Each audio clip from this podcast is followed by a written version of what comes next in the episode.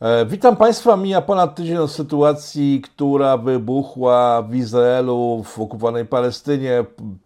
Nagle Hamas, czyli jedna z organizacji oskarżanych przez wiele osób o kolaborację z rządem izraelskim, a przez rząd izraelski o to, że jest antyizraelską organizacją, e, przystąpiła do ataku, co spowodowało gwałtowną no i spodziewano raczej reakcję w Izraela. Trwa tam od ponad tygodnia krwawy konflikt, w którym giną cywile w większości przypadków e, po obu stronach. E, nad tematem się postanowiłem pochylić razem z panem Kasprem Kitą. Witam pana serdecznie. Witam serdecznie, dziękuję za zaproszenie. Nowy Ład, jednym z ekspertów od tamtego terenu. Co się wydarzyło w, w, Izraelu? Bo to jest dość dziwna sytuacja. Hamas, nie mając większych szans teoretycznie na jakikolwiek sukces, e, przystąpił do szeroko zakrojonych działań zbrojnych pokonał żelazną kopułę, pokonał niepokonywalną granicę izraelską. Wyglądało to dość dziwnie. E, od początku wiadomo było raczej, że nie mają szans na jakikolwiek sukces militarny w dłuższej perspektywie, że Izrael zmiecie. Tymczasem doszło do tego ataku. E, dlaczego? No, nie mają rzeczywiście szans, nie mieli szans na atak, na sukces w dłuższej perspektywie, znaczy nie zajęcie Izraela po prostu. Natomiast mieli szansę i tutaj osiągnęli niewątpliwie sukces, jeśli chodzi o to, żeby zadać Izraelczykom duże straty i żeby e, bojownicy Hamasu przedostali się na terytorium Izraela w aż, w aż 20, przez aż 20 kilka miejsc, w których przekroczyli granicę strefy gazy z Izraelem e, i zadali duże straty i wojsku izraelskiemu, i cywilom izraelskim, i porwali 199 e, według, według oficjalnych danych przekazanych Izraelowi osób jako zakładników, których będą chcieli wymienić na swoich własnych e, bojowników e, trzymanych w izraelskim więzieniu. E, dlaczego im się to udało?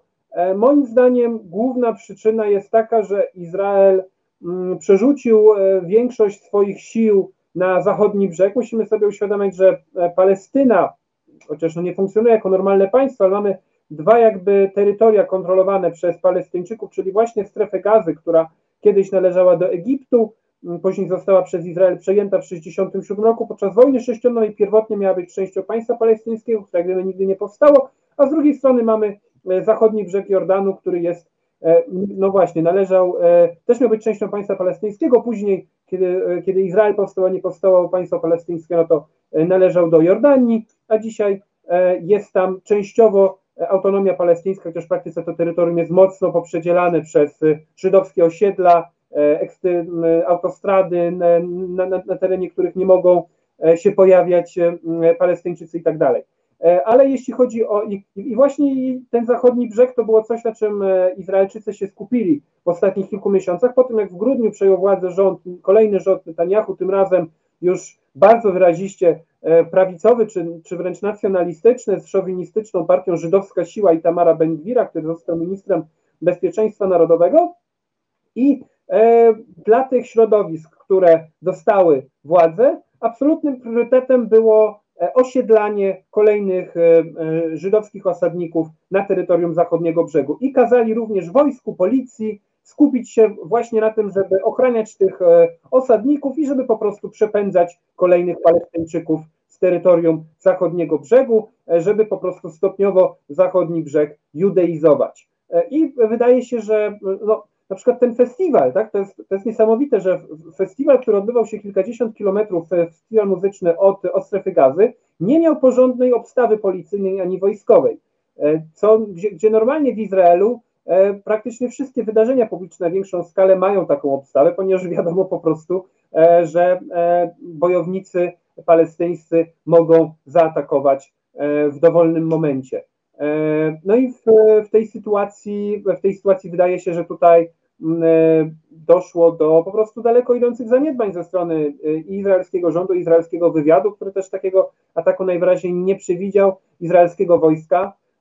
No, co doprowadziło do tego, do czego doprowadziło, czyli do największych strat izraelskich tak naprawdę od pierwszej wojny o powstanie Izraela, czyli y, od końcówki lat 40. Największych strat skupionych w ciągu kilku dni. No ale właśnie, przewidział czy nie przewidział? Bo Egipt poinformował zaraz po ataku, że informował Izrael dobre kilka dni wcześniej o tym ataku. Izrael zaprzeczył tym informacjom e, i wtedy administracja amerykańska potwierdziła, że owszem, wiadomo było o tym ataku e, i także przekazywali informacje Izraelowi, więc nie mogą twierdzić, że nie byli poinformowani o tym, że istnieje delikatnie rzecz mówiąc zagrożenie e, ze strony strefy gazy albo te, albo te sygnały zlekceważyli całkowicie i po prostu pycha ich tutaj zjadła, że Hamas nie jest w stanie czegoś takiego na dużą skalę przeprowadzić, albo ewentualnie mogło tutaj dojść do, jakiego, do, do jakiejś rozgrywki wewnętrznej. Tutaj na pewno będzie mnóstwo teorii e, na, na temat tego, kto dokładnie wiedział, kto kogo nie poinformował, ponieważ musimy pamiętać o tym, że w Izraelu mamy bardzo poważny konflikt wewnętrzny.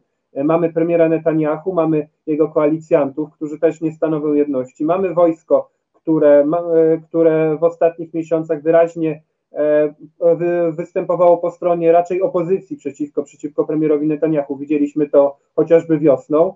E, mamy tutaj służby izraelskie, które też raczej należą do tego starego establishmentu, który z niechęcią patrzy na ten obóz narodowo-religijny, więc można tutaj snuć teorię, kto, kto kogo nie poinformował, kto może kogoś chciał wpuścić w maliny, kto tutaj nie przekazał jakiejś informacji, kto może chciał, żeby doszło do, doszło do kompromitacji e, czy rządu, czy wojska, no przede wszystkim oczywiście w, w oczach opinii publicznej za to odpowiedzialność ponosi Netanyahu, no ale z drugiej strony on sam miał e, o, o tym te informacje dostać, więc e, sytuacja jest, sytuacja jest bardzo dziwna. Oczywiście też można, mm, można by teoretycznie snuć teorię, że może ktoś chciał, prawda, żeby doszło do takiego ataku. Liczę, że ten atak tak naprawdę nie będzie na taką skalę, a w zamian za to będzie można tym bardziej się rozprawić z Palestyńczykami, prawda? Kolejny raz atakują, to tym bardziej my musimy tutaj ostro, krwawo odpowiedzieć. Więc tego też nie można wykluczać, że ktoś e, stwierdził, że no dobra, oni sobie zaatakują,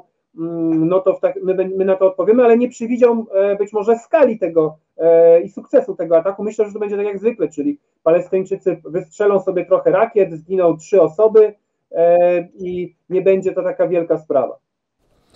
Skala tego, tego ataku jest zaskakująca, ale też zaskakujące są nagrania Hamasu opublikowane już po ataku e, z przygotowań do tego ataku, bo to wygląda na to, że no ewidentnie w jakimś trzecim państwie ćwiczyli, bo niemożliwe jest, żeby całe e, kolumny rakiet, e, wyrzutni nowoczesnych, nie takich jak wcześniej, kiedy, kiedy mieli rury kanalizacyjne przerabiane na rakiety, tylko normalne rakiety testują sobie, latają paralotniami, przygotowują się do ataków na czołgi, trening dronami. No, e, czy to mogło umknąć izraelskiemu wywiadowi, jeśli by się działo na terenie, na terenie gazy, czy to jakieś trzecie państwo pomagało w przygotowaniu tego ataku?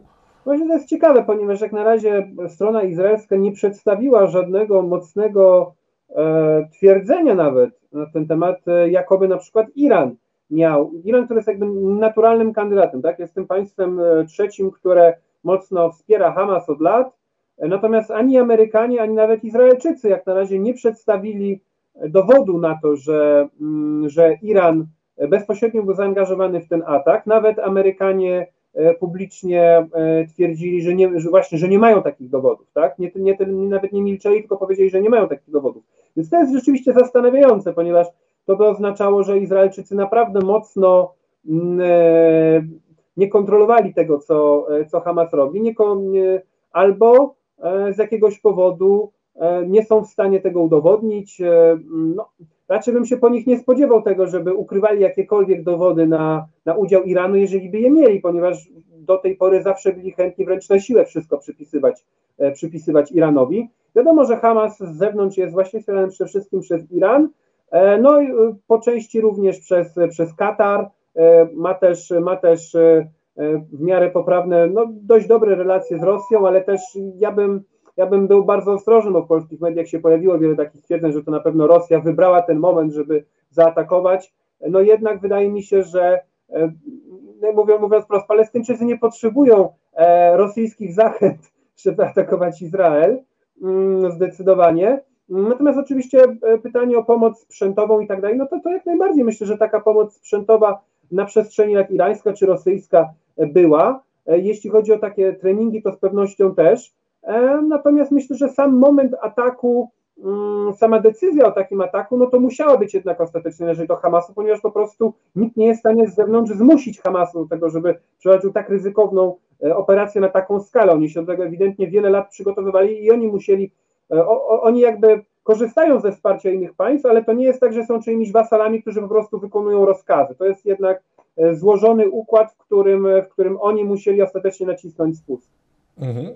No ma też Hamas, y, nie powiem, że jakieś świetne, ale przyjazne stosunki z Unią Europejską. CUE osławione w Polsce w ostatnich latach zdjęło Hamas y, z listy państw terrorystycznych co jest dość dużą ciekawostką, o której mało kto wspomina. E, co wiemy po tygodniu, znaczy po, po już blisko dwóch tygodniach tego całego e, incydentu na granicy pomiędzy, pomiędzy Hamasem a rządem izraelskim, bo wyglądało na to, że Izrael błyskawicznie zmiecie wszystko do morza i zakończy temat w ciągu bardzo krótkiego czasu. Tak? Tymczasem e, nie wygląda na to, żeby Izrael przejął inicjatywę. On bombarduje e, osiedla w, w, na, na, terenie Gazy. Mamy zdjęcia setek cywili zabitych w wyniku tych e, bombardowań. Nie mamy już nagrań cywili izraelskich zabijanych przez Hamas, więc no, wygląda, że jest powiem pad, impas, bym tak to określił. Tak, wydaje mi się, że rzeczywiście jest impas, ponieważ Izrael pierwotnie zapowiadał no, takie bardzo buńczuczne e, zapowiedzi, że tutaj, prawda, wjadą, rozjadą strefę gazy i tak dalej. Natomiast mm, wydaje się, że jednak na ten moment Izrael nie zdecydował się na mm, operację, no ewidentnie nie zdecydował się na operację lądową, którą zapowiadali. I e, trochę to może być ich błąd, to znaczy albo jeżeli się coś zapowiada, to trzeba albo to zrobić, albo tego nie zapowiadać, tak, tak? no bo inaczej E, inaczej Hamas to będzie przedstawiał jako, jako swój sukces zgodnie z prawdą, tak? No bo e, w tej chwili Izraelczycy rzeczywiście ostrzeliwują cele w strefie gazy, zabijają przy tym oczywiście i bojowników Hamasu, i cywili. No i w, w tym momencie cały czas Hamas osiąga swój strategiczny cel, jakim jest destru, destrukcja, osłabienie relacji między Izraelem a państwami muzułmańskimi, w dalszej kolejności również państwami Zachodu, przy czym ja też myślę, że mamy, mamy takie zachodnocentryczne spojrzenie, a prawda jest taka, że no, państwa Zachodu nie mają aż takiego znaczenia z punktu widzenia Palestyńczyków, ponieważ po prostu państwa zachodnie owszem przesyłają pomoc humanitarną, czy no, to, to, co tutaj było powiedziane, no na przykład są w stanie zdjąć Hamas z organizacji terrorystycznych i przesyłać po prostu pomoc rozwojową, żeby tam budować jakieś drogi, szpitale, tego typu rzeczy. Oczywiście to też jest, nie za, wiadomo, że Hamas też na pewno część z tych pieniędzy wykorzystuje do swoich własnych celów, do atakowania Izraela, mm, no ale e, jakby Zachód ogranicza się do wsparcia e, powiedzmy jakiegoś tam minimalnego podnoszenia poziomu życia Palestyńczyków. Natomiast Zachód nie jest w stanie e, ani przymusić Izraela do tego, żeby Izrael wrócił do tematu stworzenia państwa palestyńskiego. E, e, albo, za, albo żeby chociaż zatrzymał e, wysiedlanie Palestyńczyków z terytoriów na zachodnim brzegu. Więc Zachód tak naprawdę nie ma to aż, tak, aż takiego znaczenia, ponieważ Zachód i tak jest po stronie Izraela mniej lub bardziej. Chociaż, chociaż niewątpliwie opinia publiczna zachodnia też, no nie, na pewno te obrazki działają negatywnie na, na to, jak Izrael jest odbierany i na, na poziom tego poparcia dla, dla Izraela, prawda? No to też jest charakterystyczne, że, że wypowiedzi zachodnie są takie raczej neutralne w ostatnich dniach e, zachodnich przywódców, a wypowiedzi świata muzułmańskiego są jednoznacznie propalestyńskie, tak? I to również tych państw, które, e, które często były oskarżone o zdradę Palestyńczyków, które, e, które też na pewno są pod presją swoich własnych opinii, mm, e, opinii publicznych w poszczególnych, w poszczególnych krajach, także państwa, które mają dzisiaj stosunki dyplomatyczne z Izraelem. E, Izrael bardzo mocno atakują, mówią właśnie o zabijaniu cywili, o, o nieprzestrzeganiu prawa międzynarodowego i tak dalej. Więc w tym momencie rzeczywiście mamy impas. Miała, miało ten impas jakoś rozstrzygnąć, czy była taka, był taki pomysł, wizyta prezydenta Bidena, który E, który e, miał przylecieć do Izraela, następnie i spotkać się tam z Netanyahu, z premierem Izraela, a potem w Jordanii spotkać się z e, przywódcami właśnie tych państw arabskich, z przedstawicielami Egiptu, Jordanii, mm, Arabii Saudyjskiej, no, Zjednoczonych Emiratów Arabskich. Natomiast w tym momencie i pales, przywódcą Palestyny Abbasem, autonomii palestyńskiej, czyli tego, co kontroluje zachodni brzeg, Hamas kontroluje strefy gazy, Abbas kontroluje zachodni brzeg, natomiast w tym momencie e, Biden się z nimi nie spotka, e, ponieważ e, doszło do bombardowania szpitala w, w, w Gazie i w związku z tym państwa arabskie mm, nie chcą, no, jednoznacznie potępiły to, to wydarzenie i, i, i ten szczyt z udziałem Bidena został odwołany. No i też widoczne jest, że, że Amerykanie z jednej strony popierają bardzo mocno Izrael, a z drugiej strony też obawiają się, zwłaszcza administracja obecna, demokratyczna, tego, że Netanyahu przegnie. E, no i tutaj też charakterystyczne są wypowiedzi. E, na przykład rzecznik Pentagonu powiedział, że owszem, pomagamy Izraelowi, ale po to, żeby bombardował Hamas, a nie e, zabijał cywili, prawda? Czy Biden powiedział, że pojedzie do Izraela zadawać Netanyahu również po to, żeby w przyjazny sposób zadawać Netanyahu trudne pytania na temat tego, co się dzieje w strefie gazy.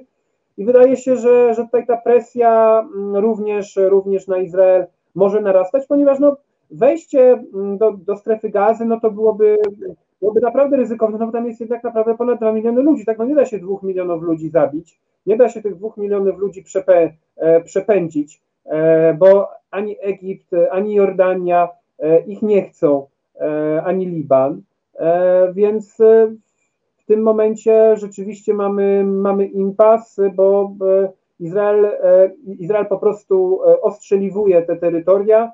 Zobaczymy, tutaj mamy wielu pośredników, którzy próbują, nego, próbują pośredniczyć w jakichś negocjacjach. Mamy właśnie USA, Turcję, Egipt, Jordanię i zobaczymy, czy, czy na jakimś etapie dojdzie do jakiegoś zawieszenia broni porozumienia. Na razie mamy raczej impas. No, Egipt i państwa arabskie nie chcą przyjmować Palestyńczyków, ale mają dość jasne powody. E, jeżeli by przyjęli te dwa miliony ludzi z, z gazy, to Izrael dostałby czysty teren do już osiedlenia tam Izraelczyków, e, a oni mieliby ogromne problemy z, z, z uchodźcami, z którymi mają problemy od 70 lat. Przypominam, że 70 lat temu e, pierwsi Palestyńczycy zostali wygnani ze swoich terenów i do dzisiaj mieszkają w, no już teraz miasteczkach, ale to są obozy dla uchodźców.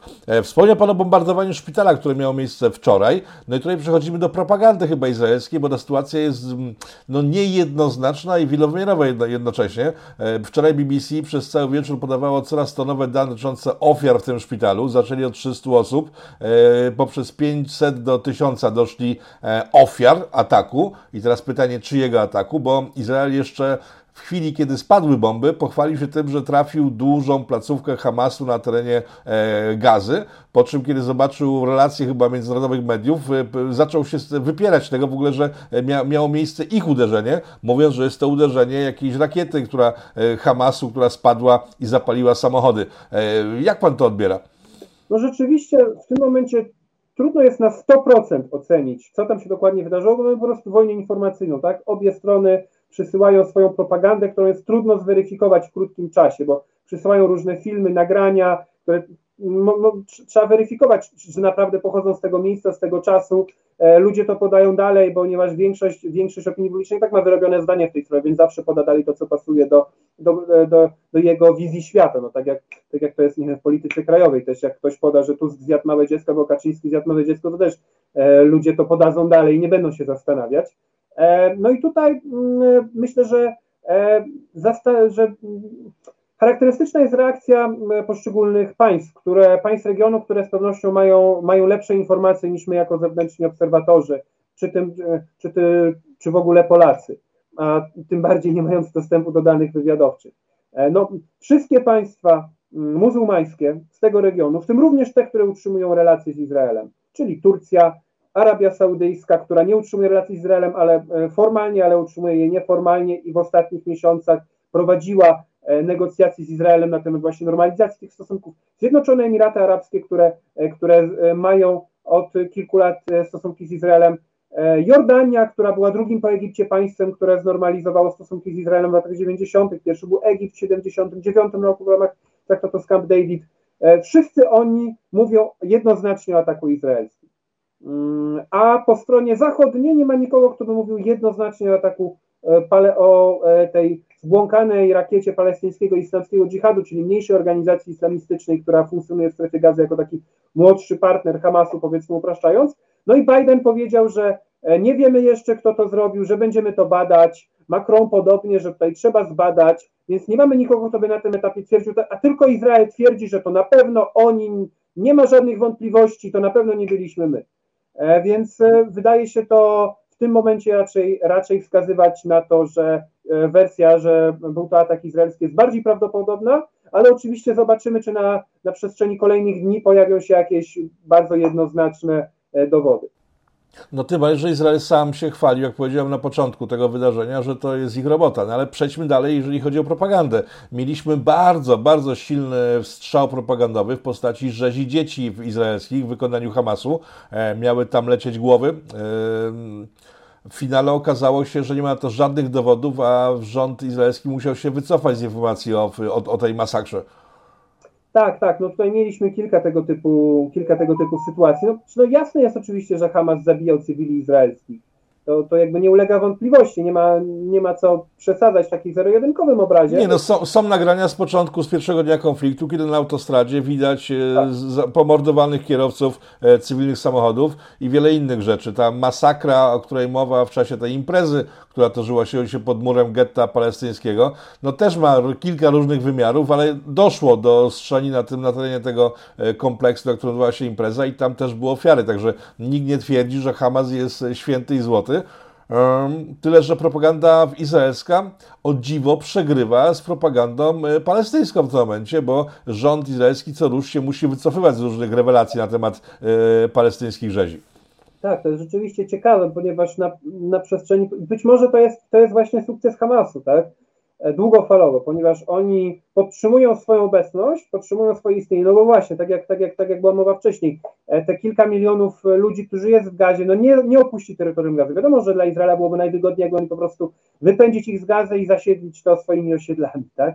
Tak byłoby najprościej. Zresztą były takie próby w przeszłości, e, Ariel Sharon się w 2005 roku wycofał ze strefy gazy mm, i osiedla żydowskie też zostały wtedy zniszczone, E, co, co oczywiście budziło, budziło sprzeciw osadników żydowskich. Mm, natomiast dzisiaj, e, dzisiaj strefa gazy no nie zostanie zajęta, ponieważ e, Egipt też nie chce, Egipt też nie chce tych uchodźców z tego powodu, że to są ludzie sformatowani przez Hamas w znacznej mierze. Pamiętajmy, że pamiętajmy, że to świat arabski nie jest absolutnie monolitem.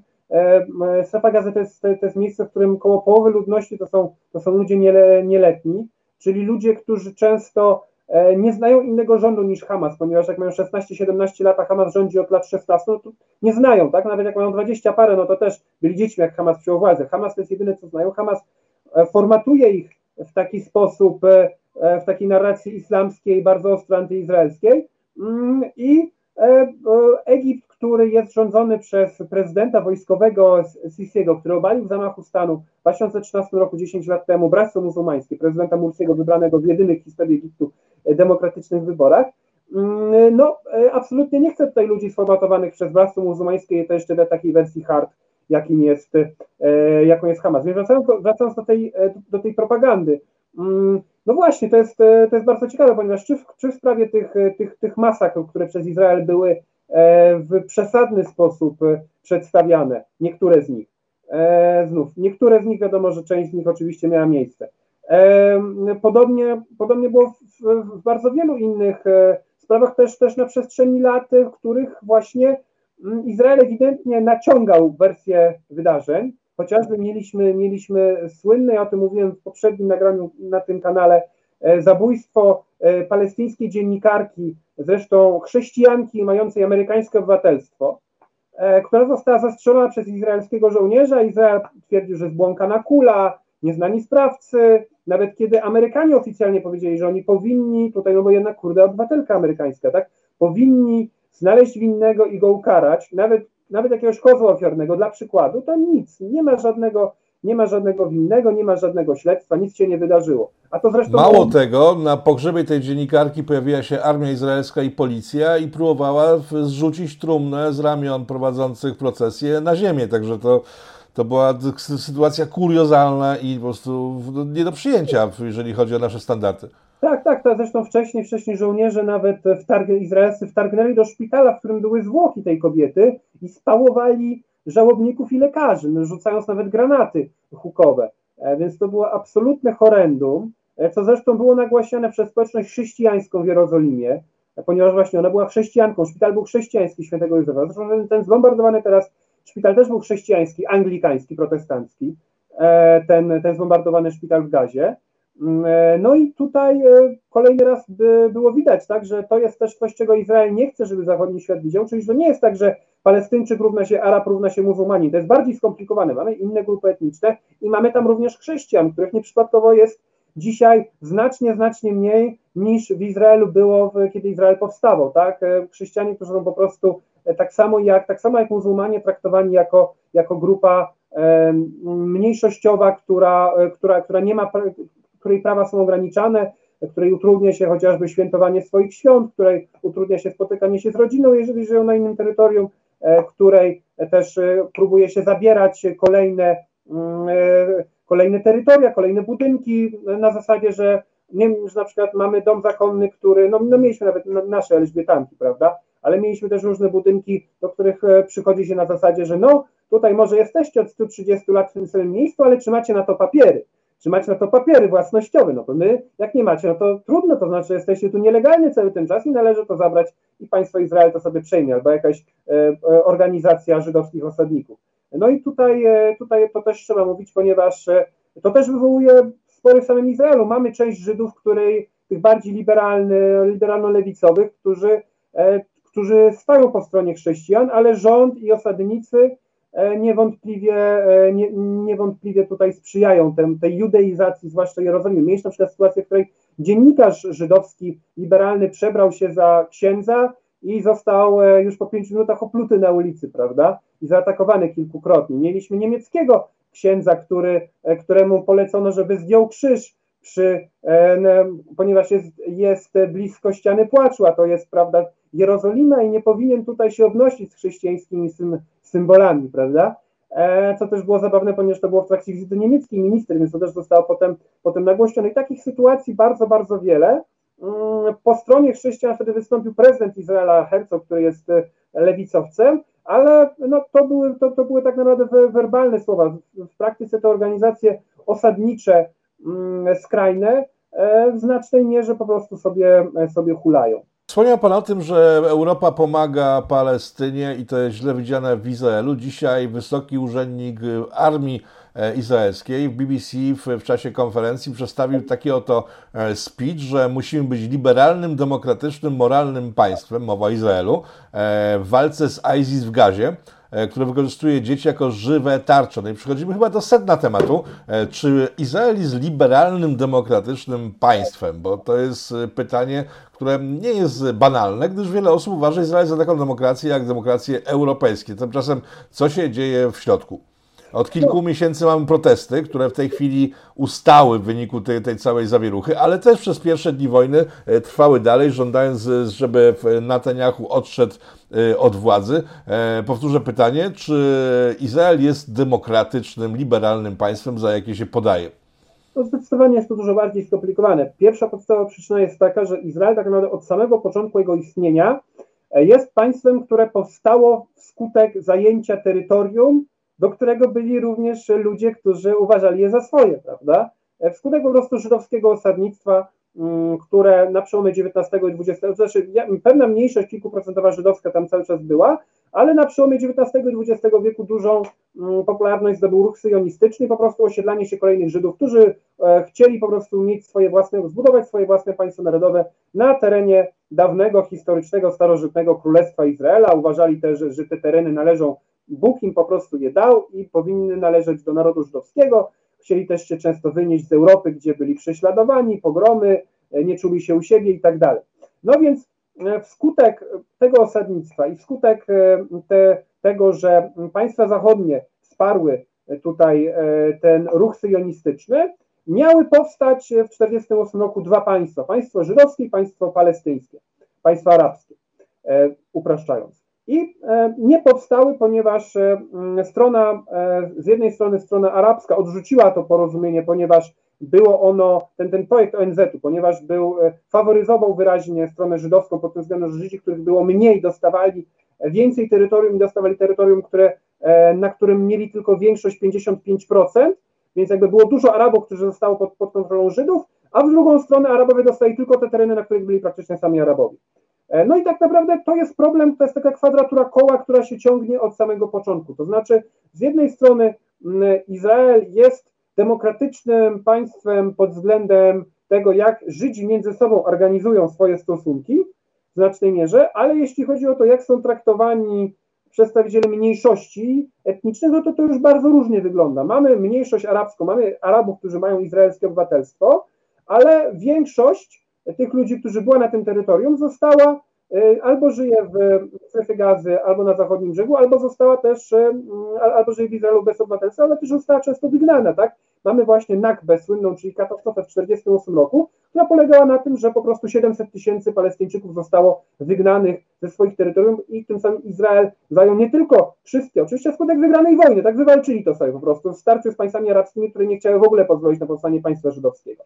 Mm, ale Izrael sobie wywalczył nie tylko te, tery, te tereny, które, mia, które miały być częścią państwa żydowskiego e, zgodnie z planem ONZ, ale również dodatkowe tereny. Tym samym przejmując zdecydowaną większość tego dawnego brytyjskiego mandatu Palestyny i spychając e, Arabów e, do mniejszości i zajmując również dużą część ich domów, nie, nie pozwalając im na powroty tym, którzy zostali wygnani i tak tak a jednocześnie prowadząc cały czas żydowskie osadnictwo z całego mm, świata. E, no i e, pod tym względem mamy e, w tej chwili w Izraelu różne wizje, tak? Znaczy jeszcze, jeszcze kiedy w 67 roku, w 67 roku zdobyto kolejne terytoria, to tym więcej zrobiło się tych Arabów. Wskutek wojny sześcionowej wtedy Izrael między innymi odzyskał całą Jerozolimę, w tym również słynne wzgórze świątynne, o które są te wielkie spory, no bo tam miała być świątynia, tam miał być początek świata, to jest meczet Al-Aqsa, święty dla muzułmanów i tak dalej, i tak dalej. No i e, tak naprawdę mm, podstawowym problemem było, jak powiedział premier ówczesny Lewi Eszkol już tydzień po, po zajęciu tych problemów, co zrobimy z tymi wszystkimi Arabami? Wszyscy będą nas pytać, co zrobimy z tymi wszystkimi Arabami, a my nie bardzo mamy co z nimi zrobić. No więc stopniowo tak naprawdę mamy mm, e, wysiedlanie mm, ich z części tych zajętych terytoriów, a części terytoriów, jak na przykład w tej chwili Gazy, po prostu izolowanie od świata.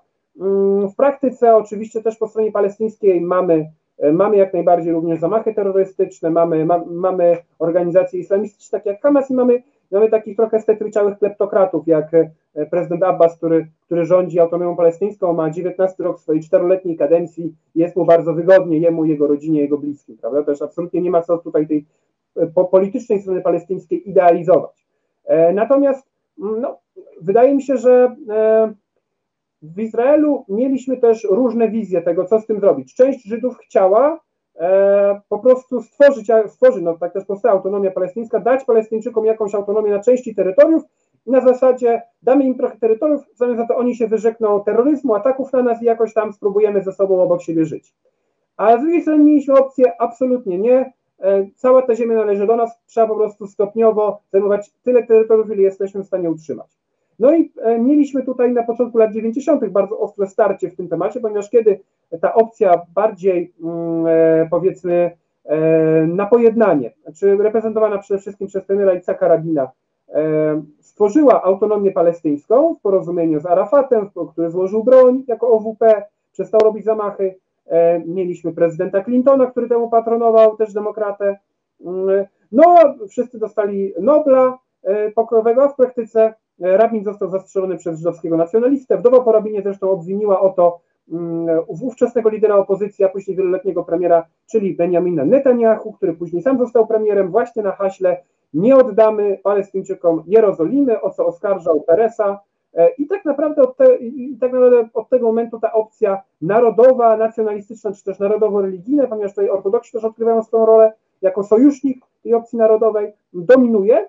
No i e, tutaj mamy trochę takie mm, bardzo złożone właśnie starcie, też trzeba mieć świadomość, że i Palestyńczycy są podzieleni między tych islamistycznych, religijnych, a tych bardziej świeckich, czyli na zachodnim brzegu rządzą ci bardziej świeccy, e, gdzie na przykład mamy kobiety na stanowiskach rządowych i e, nawet z odkrytymi włosami niektóre i tak dalej, a po stronie Hamasu wiadomo jak jest, a w ramach samego Izraela też mamy właśnie z jednej strony mamy ortodoksów, mamy nacjonalistów i mamy tę część tych świeckich Żydów, którzy, mm, którzy uważają, że osadnicy właśnie szkodzą Żydom, ponieważ przez to, że oni chcą zajmować kolejne terytoria, to są zamachy, wojny, konflikty, już trudno, dajmy Arabom trochę tej ziemi, dajmy Palestyńczykom trochę tej ziemi, będziemy mieli spokój, a poza tym część z nich ma po prostu też realnie liberalne poglądy, wierzą, że to jest łamanie praw człowieka i tak dalej. Mamy, mamy pewien, mamy również żydowskie organizacje, które protestują przeciwko tym różnym działaniom państwa Izrael.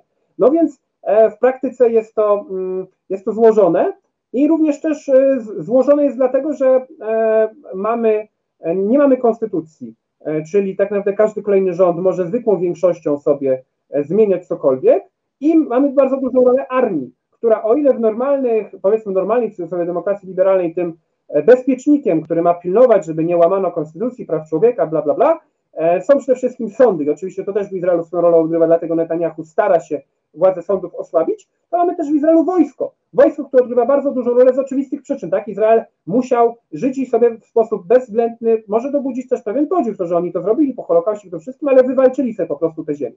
W sposób bezwzględny, brutalny, często też zabijając się nawzajem przy okazji. To były też różne opcje wśród siebie. No tak, to prawda. Tylko teraz pytanie, czy jest szansa na odwrócenie tej sytuacji? Moim zdaniem niewielka, bo jeżeli mówimy o zachodnim brzegu, wiele osób postrzega zachodni brzeg jako Palestynę, tak? Mhm. E, tymczasem nie ma takiego czegoś jak Palestyna w Palestynie na zachodnim brzegu, e, bo tamte władze z Ramallah e, nie mają zbyt dużej władzy nad tym terenem, bo cały czas terytorium zachodniego brzegu jest okrojane przez Izrael na potrzeby osadników. Palestyńczycy, to mówimy o państwie liberalnym, o którym wspomnieliśmy, Owszem, Izraelczycy, Izraelczycy mają prawa swoje, ale Palestyńczycy praw nie mają. Jeżeli spojrzymy na demografię, to na terenie zachodniego brzegu w tej chwili mieszka 2,3 miliona Palestyńczyków i uwaga, blisko milion e, pojawiających się tam z USA głównie osadników, czyli po prostu proporcje są e, dość diametralnie zmienione. I teraz tak, ci osadnicy mają pełne prawo zlikwidować każdego Palestyńczyka, w drugą stronę to nie działa. E, Palestyńczycy, tak powiedziałem, są okrajani, czyli osiedla są likwidowane buldożerami, e, zalewane są e, studnie w, w, wody pitnej, odgradzane są drogi, to o czym Pan wspomniał, czyli autostrady, które są budowane wzdłuż terytorium palestyńskiego i dzisiaj mieszkam 200 metrów od swojej babci, a jutro jest autostrada i do swojej babci muszę jechać 50 km przez checkpoint, y, na którym mogą mnie nie przepuścić. To jest tego typu sytuacja. E, czy no, świat jakoś nie za bardzo na to reaguje. I teraz pytanie, czy Izrael się zatrzyma w którymś momencie, czy jednak dojdzie do czystki takiej do zera e, ludzi, którzy mieszkali tam na długo przed tym, jak powstał Izrael. E, to, co Pan wspomniał, trzeba dodać, że tam mieszkali Palestyńczycy z Żydami i nie było między nimi większych waśni. W tej chwili jest regularna wojna. No, tak jak Pan powiedział, to jest też coś, co rzeczywiście warto sobie uświadomić, że myślimy, tak jak Pan powiedział, to jest też takie, no to jest naturalne, po prostu jestem przyzwyczajony do tego, że jest też jak jakieś państwo, ono kontroluje sobie jakieś terytorium. E, e, autonomia palestyńska na zachodnim brzegu to jest coś zupełnie innego. To jest tak naprawdę terytorium, bo można sobie łatwo znaleźć mapkę w internecie, to jest podziurawione absolutnie jak ser szwajcarski. Mamy tam mnóstwo osiedli, które też nie jest tak, że nie wiem, że na przykład Żydzi osiedlają się tylko na północnym wschodzie, a reszta jest palestyńska. Nie, te osiedla są bardzo porozrzucane po całym terytorium. Między tymi osiedlami są poprowadzone właśnie e, drogi mm, i połączenia infrastrukturalne, które mają z zasady e, być tylko dla osadników, tylko dla ludności żydowskiej, gdzie mamy policję, która nie wpuszcza innych, i mamy stopniowe przejmowanie tego terytorium e, przez, przez, osadników, przez osadników żydowskich, którzy często też mają, co mówiliśmy na początku, wsparcie policji, wsparcie wojska i tak dalej. I mm, tak naprawdę no, minister finansów obecny też z partii nacjonalistycznej, partii religijnej Sionizm, Bela Smotrich powiedział kilka lat temu, jeszcze zanim został ministrem, że tak naprawdę Palestyńczycy mają trzy opcje. Mm, albo wyjadą do Jordanii albo do innego państwa arabskiego, powiedzą się z tym, że nie będzie państwa palestyńskiego, oni sobie po prostu, tak jak już wielu Palestyńczyków uciekło przez lata, tak, do Jordanii, do innych krajów arabskich. E, e, albo druga opcja, zostaną jako ja w roli służebnej wobec, wobec żydowskich osadników, a trzecia opcja, no to zrobimy im kolejną nakpę, czyli po prostu ich stamtąd wypędzimy. No i mamy jeszcze sytuację, której wspomniałem na samym początku, czyli w żądaniach Hamasu uwolnienia więźniów. To też nie jest tak, że wszyscy w więzieniach izraelskich Palestyńczycy to są przestępcy, gdyż e, prawo izraelskie pozwala na zamknięcie dowolnego obywatela, czytaj Palestyńczyka, bez żadnych powodów, bez żadnych dowodów. E, wystarczy e, złe spojrzenie i trafi się do więzienia. Tam jest cała masa takich ludzi, która się radykalizuje w naturalny sposób i nie jest wypuszczana z tych więzień, bo gdyby ich wypuszczono, to po prostu zrobiłoby się bardzo grubo minister spraw wewnętrznych Izraela stwierdziła, e, że muszą, cytuję, że muszą zabijać Palestyńczyków, bo nie mają dla nich e, miejsca w więzieniach. No w normalnym kraju demokratycznym, liberalnym taka osoba by no, nie pozwoliła sobie na takie sformułowanie. Tam przechodzi do bezecha. No, jak widać, nie przychodzi tak całkiem bez echa, ponieważ jednak dociera do nas, ale... Do nas tak, ale tam w ogóle nikt tym się nie przejmuje. Jest, pewna, jest pewien odsetek e, liberalnych Żydów, którzy przeciwko temu protestują, ale to jest mniejszość. To jest mniejszość. Tak? E, e, też w tej chwili politycznie oni są, oni przez swoje własne błędy zostali zmarginalizowani, e, bo po prostu Netanyahu i jego koledzy narzucili taką bardzo prostą narrację. Albo jesteś prawicowcem narodowym, jesteś za za osadnikami, albo jesteś, e, prawda, nie jesteś patriotą, jesteś zdrajcą, jesteś jak Hitler, chcesz zabijać Żydów i tak dalej.